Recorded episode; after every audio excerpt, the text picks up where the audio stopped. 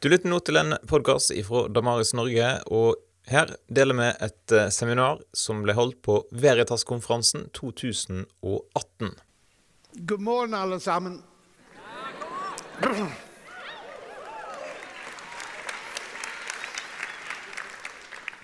It might be possible if I spent the next 50 years learning your language to make some effort at it. But I'm embarrassed, you know. Here I am sitting speaking English, and you're all listening in English, and it's not your language. Shame on me. I should be able to speak Norwegian, but I can't. So you just have to put up with me. But it is a great joy to see so many young people who are interested in getting seriously into Scripture. How many were not here last night? Well, that's a great pity because I'm not going to repeat anything. Except two things. We're looking at a very ancient book, the book of Daniel, which is written against the context of the culture of Babylon. And last night I sketched briefly how similar in many ways the culture of Babylon is to our naturalistic culture in the academy today. And what we're going to look at this morning is a little bit more detail about the experience of four young people in King's College, Babylon. It's the first description of a university setting in the whole of the Bible and possibly in history. And last night we saw that as Daniel writes his book, he focuses on the things that helped him to maintain not only his devotion to God, his prayer life, and his reading of Scripture, but what enabled him to maintain his public witness. And that's important because you and I are under immense pressure in the West to privatize the expression of our faith. We're allowed to talk about our faith in boxes. This is a big box, as you've noticed. And we can talk in our houses, that's a box, and in our churches, that's another box. Perhaps a very nicely shaped box, but it's still a box. And here, but we're not allowed to do God in public.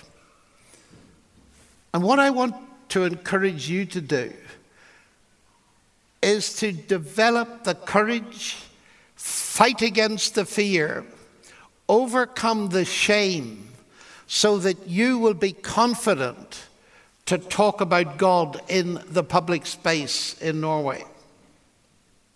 So, what are the big issues? I read at the beginning of Daniel's book how it starts with the conquest of uh, Judea by Nebuchadnezzar, the king of Babylon, and how Daniel describes that he really believed God was behind this experience that cost him his family and cost him his transportation to Babylonia. He had a sense of God behind history, and I spent some time last night saying this is the first thing we've got to understand that there is a God who's interested in our history even when it seems to be going wrong.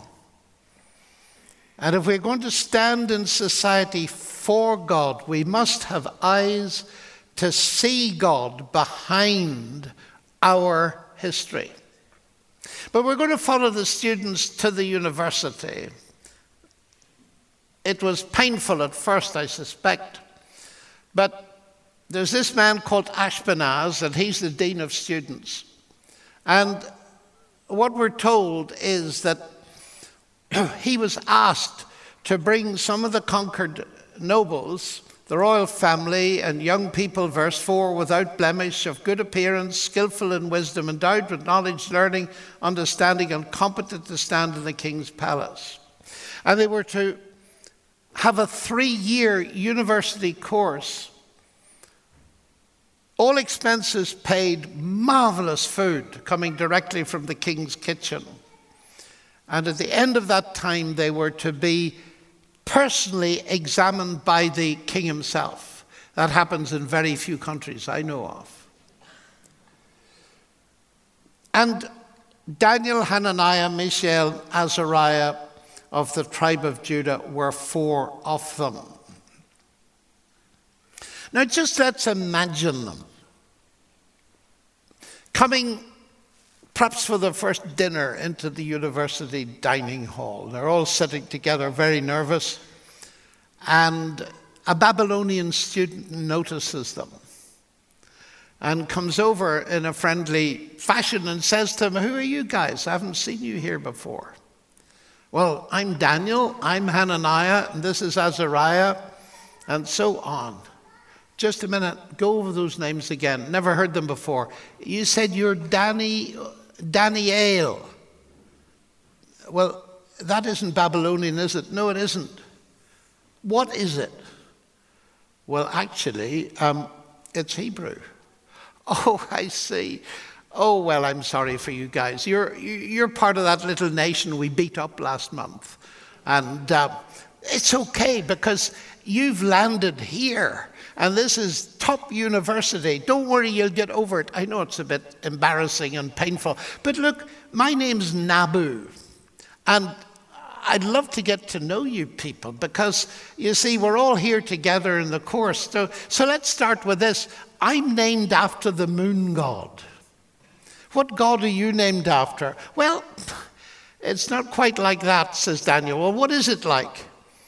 Well, my name means God is my judge. Oh, dear me, what a dreadful name. God is your judge. No wonder you lost in the battle against our emperor. Imagine believing that God is your judge. And I hear the voice of Christopher Hitchens speaking to me publicly in front of a thousand people.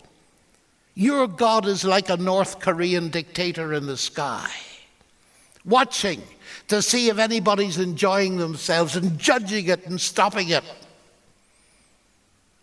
Oh, Daniel, I do feel sorry for you. Listen, some of us boys are going up to the temple tonight and the girls are free. We'll teach you something about the fun we can have here. God is your judge. Absurd. No wonder we beat your gods. Now I can see Daniel saying, Nabu, by the way, you said you were in the same course as us tomorrow. That's right. Well, lecture one is on the Code of Hammurabi in law. Are you going to that? Sure I am, because I want to be a lawyer. Oh, do you really? And maybe even to be a judge. Oh, so you do believe in judgment, do you? How very interesting. Tell me, Nabu, what is the base of judgment if there's nothing transcendent? If there is no God, how can judgment be anything but an arbitrary decision? And you can just see the argument starting, can't you? You see, Dan E. L., my name means God is my judge. I've got a vertical reference point for my morality, and therefore, by extrapolation, for my concept of morality. Have you and have you? Because one of the biggest questions today is what is the base for morality? I got so interested in this that I went, rather foolishly, I suppose, in my old age, and did a degree on it, on ethics, bioethics. And do you know what I found? It's fascinating. Looking at the big areas of morality, the law, medicine, business, and so on. I discovered there's one question nobody wants to answer in any Western country Who said so? What is the authority behind morality? And you're going to be challenged on that because you're going to be told that all morality is relative. This is so up to date, you know. And I can imagine as the argument went on that Azariah comes in and says, Just a minute, you two. I need to tell him what my name means. And so Hananiah says, Well, my name means the Lord shows grace. Oh, I say, says Nabu, you believe in the judgment God, Daniel, and you believe in the grace God, Hananiah. No, says Mishael. My name means who is like God. There is only one God. There's no grace God and judge God. There's only one God. Well, that's a bit complex, isn't it? Tell me, what is grace? So Hananiah explains. And then Azariah the end says to them, You need to know what my name means. It means God has helped. What? Says Nabu. You're in this mess. You've been transported. You've been taken from home. Nevertheless, I tell you what, Nabu, watch us for the next few weeks and see if what we believe is real. Do you know, I could preach the gospel from those four names. I've done it many times. Their names were a testimony to aspects of the nature of the God they believed in. But now comes the problem. They weren't going to be allowed to use them. That conversation never happened. Because what happened was that the Dean of Students called them up one by one and said, Your name is Daniel, is it? Well, from now on, it's going to be Belteshazzar. And your name is Hananiah, you're going to be Shadrach. Mishael, you're going to be Meshach, and Azariah, you're going to be Abednego. And some of those names were profoundly insulting. Meshach, Mishael. It's a linguistic play. And Meshach means Mesh Aku, who is like Aku, one of the other names of the moon god, not who is like Jehovah. What is this? This is social engineering. Getting everybody the same in terms of their identity. If the first big issue of this book is history, and the second one is the source of values, as I discussed last night, the third one is identity and names. Is that relevant? Tell me, how many names have you got? You say, What do you mean? You know what I mean. Some of you have avatars, haven't you? You've got multiple internet names. And some of them you're using as masks to hide your real identity because you want to prowl the net as somebody different. There never has been in history such an attempt to socially engineer names. You might have been named by your parents John or James, but now you're hashtag something or you're seeker at gmail.com or whatever. Is this relevant, folks? It's vastly relevant. Because, let's face it, millions of young people find their identity on the net. And that's where their life is hanging. They've got to be connected. And the odd thing is, the more they're connected on the net, the less they're connected socially. Watch young people, even at this conference, they stand together. I've seen it already. They're both looking at smartphones and they're trying to talk to each other at the same time. There is no relationship being developed whatsoever. So, as the internet identities increase, the personal identity gets lost. Am I making sense? We're going to have to do something about it because it's destroying people. Get unfriended on Facebook and watch what happens. The self harming starts, the loneliness starts. And the more artificial electronic connectedness there is, the less real friendship develops. It's all in your name. Now, here is what happened to them. They were given these names, and it was a deliberate attempt to make everybody look the same. Put them all in blue jeans, that kind of thing. And social conditioning is increasing rapidly in our world, particularly in China. People, well, you all have voluntarily surrendered part of your identity and you're wearing a tracker. I've got one here too. Why do we do that? It's interesting, isn't it? We're giving away our position coordinates, and very soon we'll be giving away far more. We'll be giving away what we're saying, who we're connecting with. We're already doing that. And our identity is becoming an online identity which is rapidly spinning out of our control. And it's going to be used for society. I'm not trying to scare you. But let me tell you what's happening this moment in at least 13 cities in China. You're given 300 social credit points to start with. You're monitored.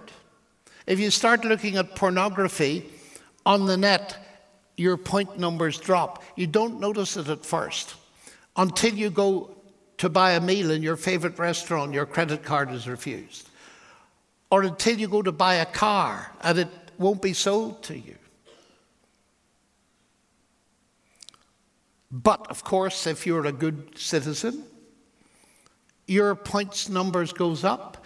And the astonishing thing is, in the article, well worth reading in Time magazine about six months ago, people love it. They love it. And it is, as the article said, setting up the perfect conditions for total surveillance dictatorship. And if you don't behave very well, and perhaps throw rubbish out when you think nobody's looking, you're walking down the street and suddenly your picture appears five meters high at the side of the street and you are denounced. What about it, folks? The chilling thing at the end of this article, as I read it, is this every technology to do this in the West is in the West already. The only difference is we have not got it yet under central control. This in the book of Daniel is a very early form of trying to force people into the same mold. They mustn't stand out. You mustn't have any identifying feature that's going to embarrass the government. You just keep quiet about your Christianity. It's exactly the same thing. What are we going to do? So we need to watch these trends in our society. I'm not saying we shouldn't have a smartphone. I value it and use it. But just watch what Alexa and Siri might be doing in the future. Just how much of your life, personal life, home life, family life, every other life, you are uploading irreversibly into the ether. You know as well as I do that many young people load stuff up into Facebook and then they can't retrieve it and they come to get a job, and the interviewer says, But you put this on Facebook. I'm sorry, we can't have you here. And many people are desperate to get rid of these marks. They can't. Let Daniel warn us. But warn us of something very important, folks. This didn't happen in Oslo, London, or New York. It happened where? In Babylon. Babylon changes names. Does that resonate? Think. You see, these cities in the Bible and these empires, they're all part of a big backstory. And if you do a bit of research, as I hope you will, and you look back in the book of Genesis, you're going to find a lot of information about Babel. That's Babylon. Babel. And do you remember the story? How people used their human ingenuity and engineering skills, and they said, let's build a city and a tower that will reach to heaven, and let us make a name for ourselves so that we will not be scattered in the earth. Have you studied skyscrapers? I have. They're very interesting things, you know. Have you noticed? Every nation under earth wants to have the tallest building. Why do you think that is? Well, because, as someone put it, behind every tall building, there's an even bigger ego. Skyscrapers, and there's whole literature on them, are an expression of ideology, of a way of thinking about the world. And the origin of this empire's capital was in a drive to use human brain power to create a huge identity. Because our nations are interested in identity, so are we. And you say, What's wrong in having an identity? I want an identity. So do you. We all want an identity. But here's the question How do we create identity? Well, you could create it by making up a word and putting it on your online address. That's not what I mean.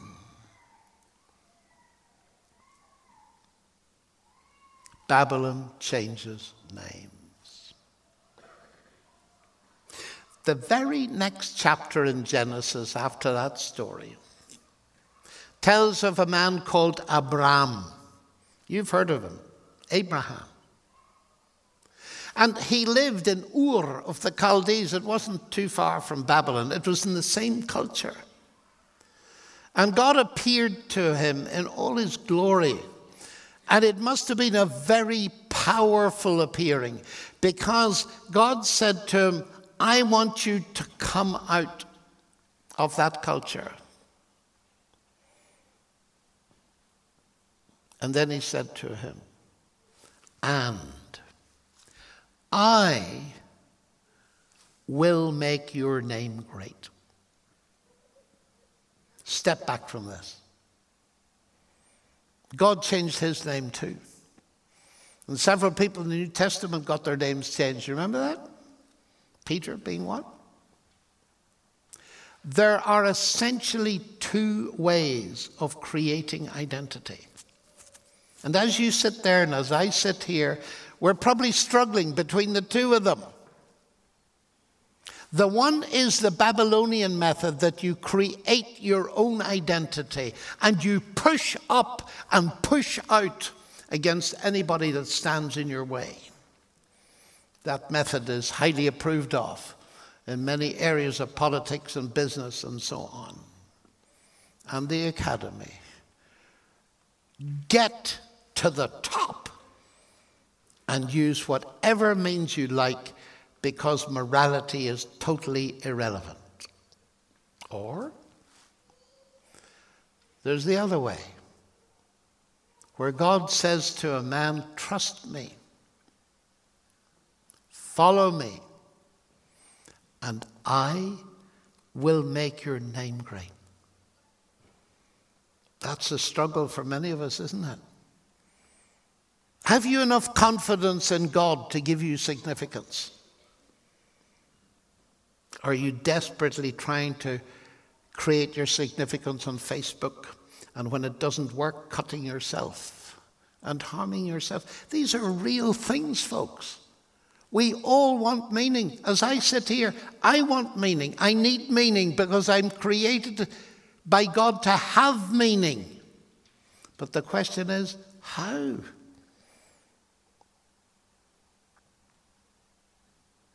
It's a battle. And it has to be a battle because there are forces involved that go way beyond us. Now, don't misunderstand this story. God called Abram out from that culture We're in this culture. He doesn't call us out from it because there are two movements in Scripture. God called Abram out, taught him how to trust God, and then through him brought a movement into the world that went in the opposite direction. So, Paul, who was a descendant of Abram, was sent back into the Gentile culture. And God will do the two things with us. He'll call us out, He'll train us to trust Him, and then He'll say, Go back and be my witnesses to the very ends of the earth. But you'll never be effective unless you've learned to trust Him. Let me tell you a story about a young person. I see her still, although it's many years ago now. I've been talking about something related to this. And she was sitting in the middle somewhere, and she had a beautiful face. At least half of it was beautiful. The other half was completely distorted by something that wasn't her own fault. It was a birthmark. And when I'd finished, we were all students. She came up to the front and she turned round and looked at the audience and held her face up and turned round so that everybody could see. And we were all wondering, what is she going to say? And she said, for the first time in my life, I would like to thank God publicly that I am me. She said, I'm not a fatalist, I'm not a determinist. But she says, something in what I've heard has enabled me for the first time really to accept the distortion of my face. And all of us wept, including me. And I sat there thinking, have I got that far? Because you know, people, we don't all have hideous disfigurements of our face, but we're all damaged people, aren't we? Some of us are physically damaged, some of us are psychologically damaged. And we find all sorts of difficulties in our personalities that we wish would go away and we wish we could deal with. And then we start to think, God's made a mistake with me. Look at that other girl. She seems to sail through life and nothing's difficult and everybody likes her. And here am I and I'm awkward and I'm difficult and I find it problematic making relationships. Hasn't God made a mistake? I tell you, accepting our identities isn't easy. And getting to that place where we really trust God is a battle, a very real battle. And the trouble is, the world is not neutral to you. It will try to change your name. It will try to force you into one box or two boxes or a thousand boxes, so long as it disconnects you from God.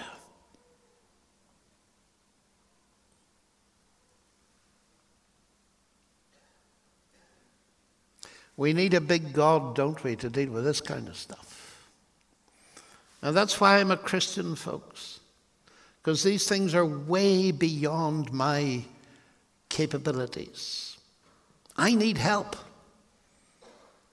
But thank God I learned a long time ago that help is available. And so when people build their huge towers into the sky, and they try to build them into my sky, I can go back to God for my question of identity. So, as I say, there are these two ways of living. We make our name great, or God makes our name great. Now, of course, I could start on this. This is a hugely interesting topic, forgive me. I love linguistics and languages. What do names mean? For instance, the naming of animals is something that God commanded humanity. Do you notice that? But there are two beings that humanity didn't name. There's man and woman. Did you realize those names have a transcendent dimension? They're not to be defined by committees or arbitrarily assigned. Gosh, this is big stuff, isn't it? What's in a name? Huge things are in a name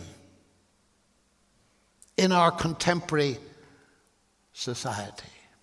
Now, I'm not going to go into all these details. What I'm trying to indicate to you is that Scripture talks about these big issues. And one of the reasons I believe it is the Word of God is precisely because it does so. And it helps us to grow in confidence if we realize that the major issues of our society are dealt with in the Bible.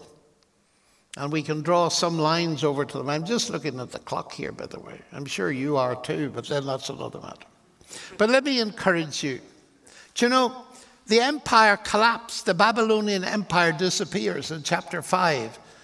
Daniel remained, and his name changed back to Daniel. That's good, isn't it? And in the rest of the book, he's Daniel. He didn't lose his identity. And the message is clear they can call you what they like. And indeed, you can call yourself what you like.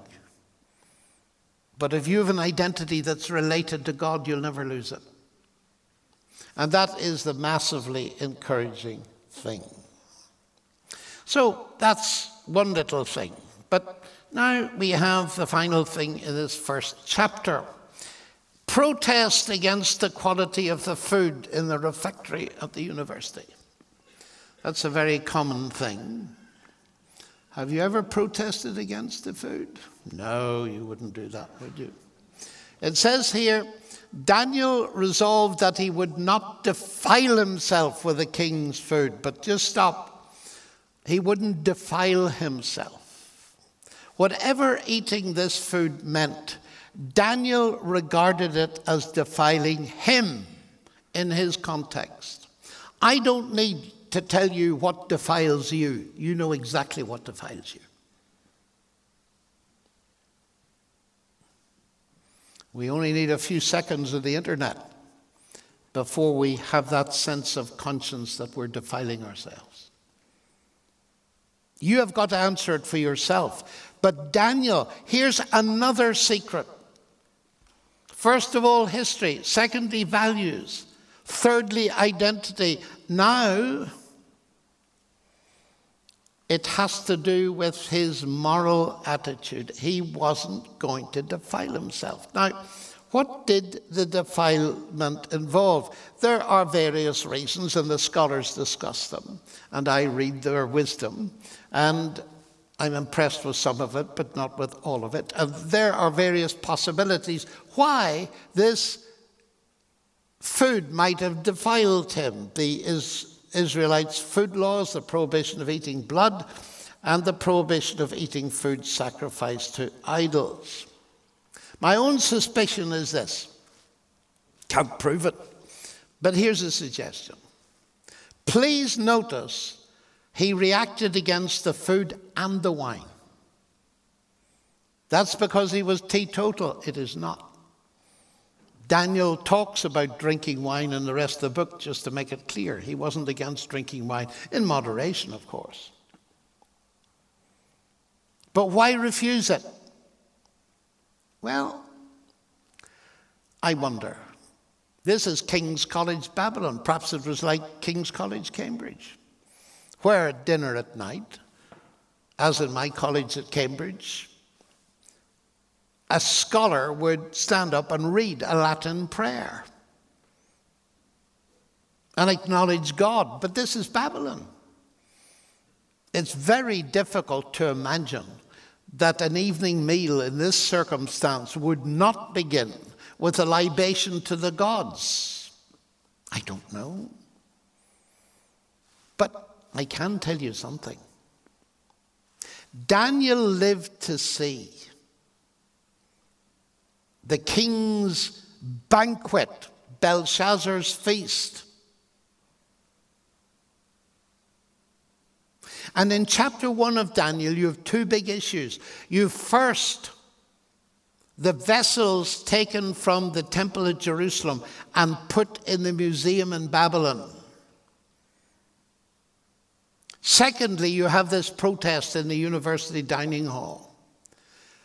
In chapter 5 of Daniel, those two ideas come together.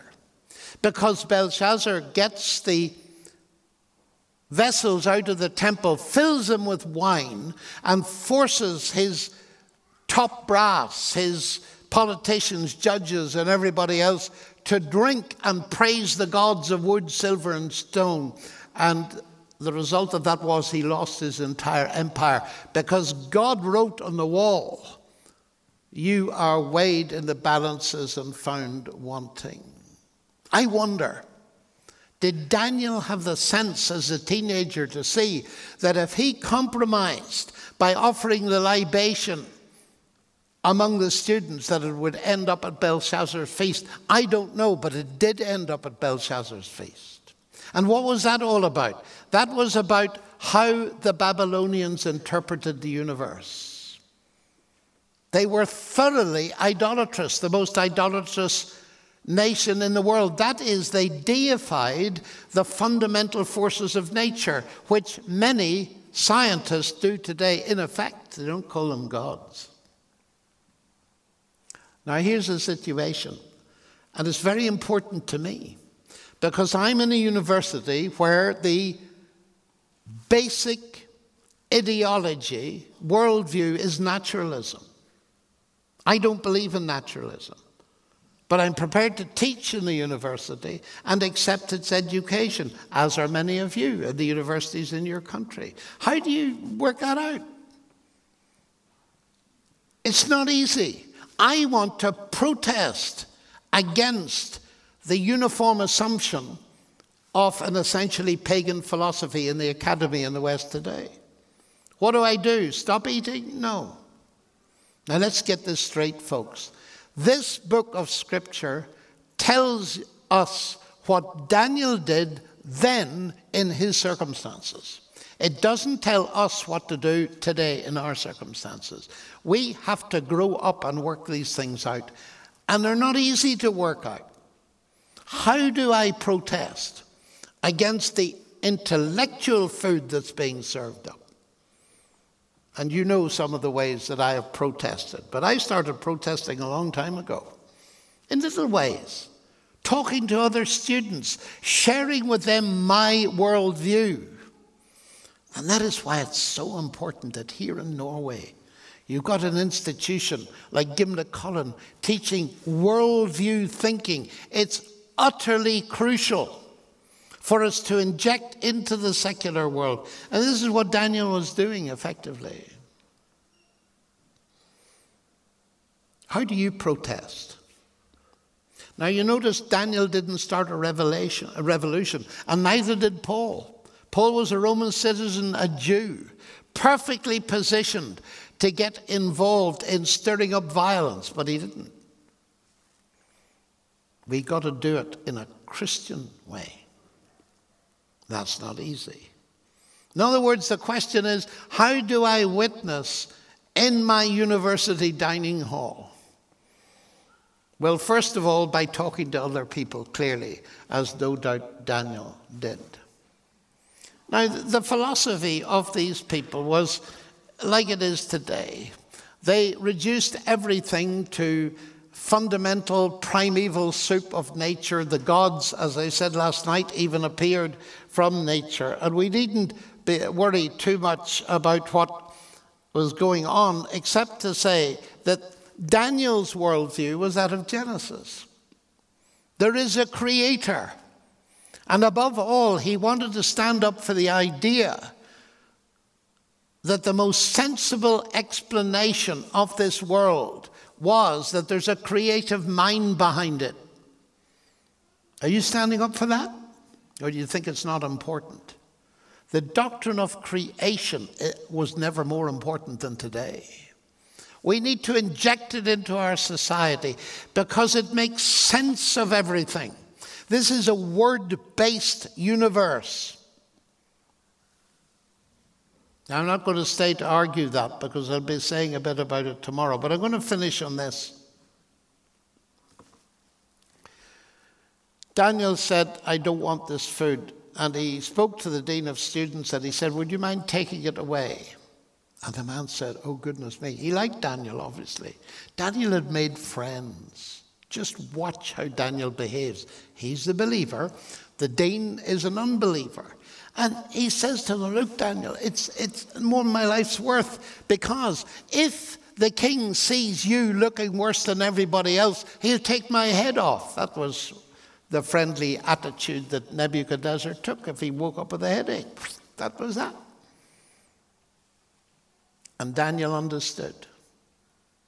Instead of putting pressure on the man, he said, Look, let's do an experiment. Do it quietly for 10 days, and then you judge. It's the first controlled trial in history, by the way, you who are interested in science. Ah, but what's this about, folks? This is not about identity, it's about image.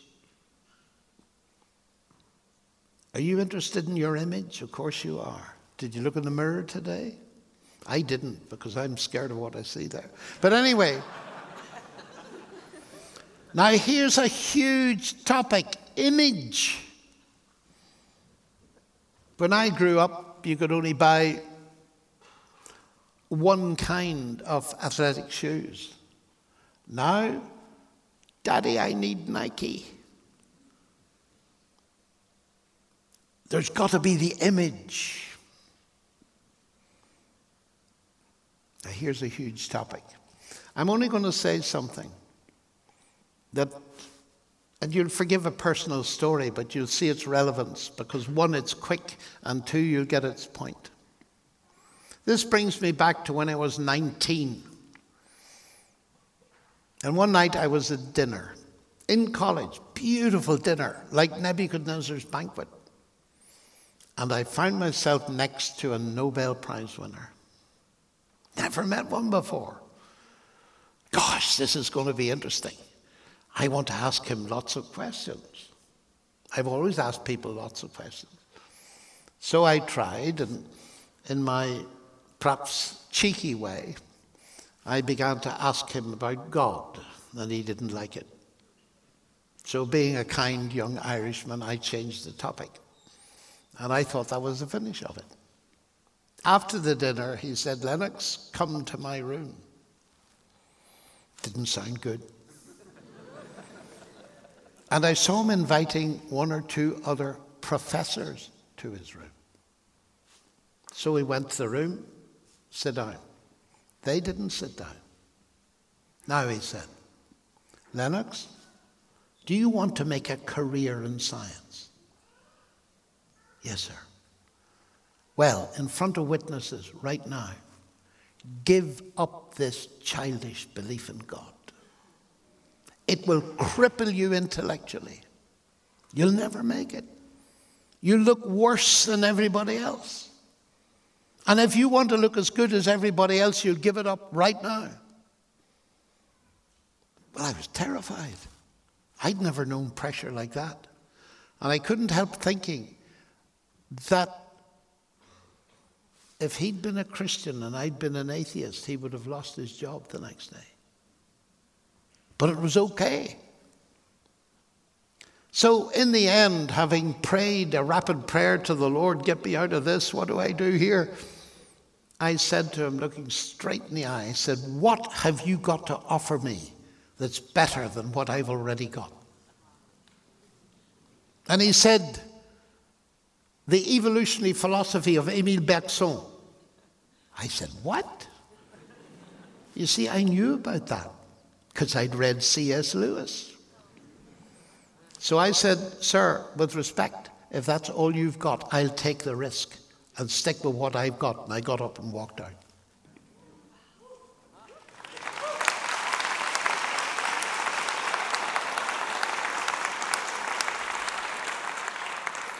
That, ladies and gentlemen, is why I'm sitting here.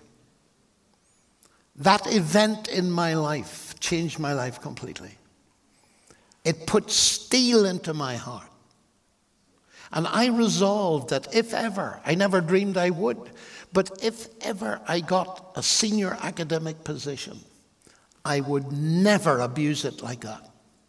I would try and offer people evidence, as I have in Oslo and in the university here and all around the world and encourage people to make up their own minds. But you see, that's it. Why should you look worse? And I know many of you have had this pressure. Just keep quiet about your Christianity. Just, you'll be marked down.